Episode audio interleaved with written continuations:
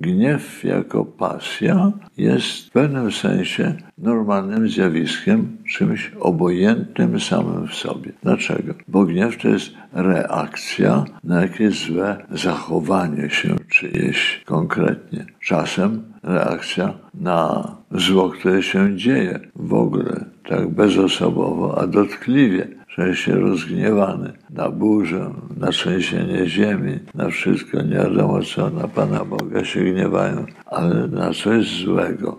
Głównie gniew odnosi się w stosunku do człowieka, który coś złego zrobił, sytuację, która mnie postawiła w jakimś trudnym położeniu.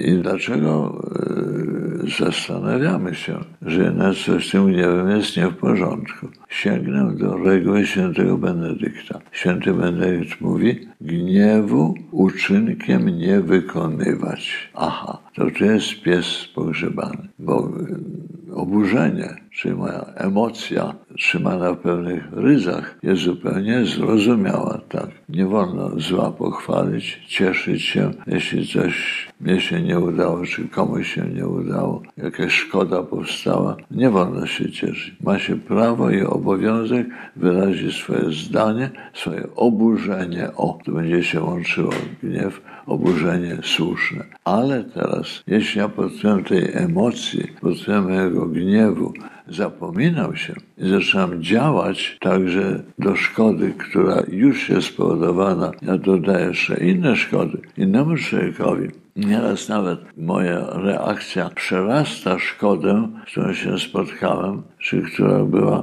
powodem mojego gniewu. Wtedy jestem nie w porządku. I to się będzie łączyło ściśle z cnotą opanowania, że być sobą, nie udawać, że się jest marmurkiem, na którego nic nie działa, który nie przejmuje się czy tak, czy owak, jak najbardziej. Reakcje są zdrowe, normalne, ale z opanowaniem. Gniew musi być miarkowany miłością. I dlatego w stosunku do rzeczy samej złej mamy pełne prawo się pogniewać, wyrazić naszą opinię, natomiast nie wolno uczynkiem, można powiedzieć, no, natomiast nie może nam uczynkiem zniszczyć, że powiem tak, człowieka, który spowodował mój gniew. A to, że my często nie wiemy, co, jakie motywy kierują człowiekiem, który postępuje tak, że wywołuje gniew otoczenia. Czytam teraz niedawno e, badania jakichś psychologów amerykańskich, którzy przeprowadzali te badania w więzieniach na skazańcach. Okazało się, mózgi badali, że mózgi ludzi, którzy popełniają rzeczywiste ciężkie przestępstwa, są trochę inaczej ukształtowane. Że tam czegoś jest za dużo, upraszczam, czegoś za mało, że tam są jak gdyby wrodzone skłonności do pewnych do pewnych czynów. Oczywiście one nie są takie, żeby determinowały człowieka absolutnie, ale wpływają jednak na to. Praca nad sobą może dopomóc do tego, że te przyrodzone skłonności są do opanowania, te złe skłonności są do opanowania, ale rozumie się, dlaczego to powstaje. I wtedy nie mówię, że jest zły, bo jest zły w ogóle, ale dlatego, że akurat jakieś tam coś w mózgu narost, jakiś krwiaczy czy coś powoduje uciskanie pewnych centrów i postępowanie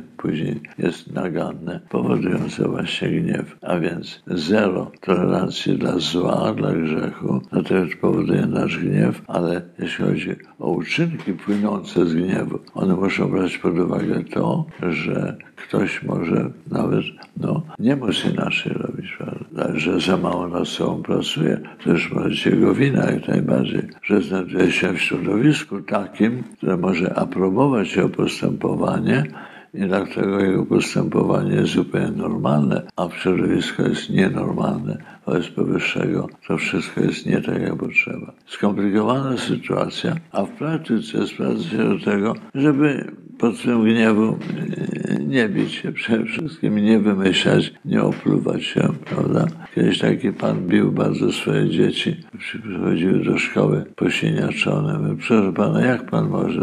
A bo proszę ojca, bo, bo u mnie ręka leci pierwej niż myśl, prawda? Więc niech myśl będzie pierwsza, zanim wypowiem słowo, zanim wykonam gest, zostaje wykonany uczynek, który ma niby być odpowiedzią na gniew, a będzie a nieraz gorszy od tego samego gniewu. Więc podsumowując, gniew sam w sobie jest sensowny, bo wyraża stan normalny człowieka wobec zła, który się dzieje, ma prawo być oburzony, a jednocześnie przekraczanie pewnych granic może spowodować to, że pod wpływem gniewu możemy stać się złymi ludźmi. A mówi się o gniewie Boga. Była pieśń, piosenka młodzieżowa Gniew dobrego Boga. Czyli Pismo Święte często jest Bóg rozgniewany na złe postępowanie człowieka. Ale to jest takie antropomorfizowanie, przypisywanie Bogu cech ludzkich, które wszakże coś nieco na temat mówi. To, czego żeśmy zaczynali, że na zło mamy prawo się oburzyć, prawda? mamy prawo reagować, by nie przekraczać pewnych określonych cywilizowanych granic.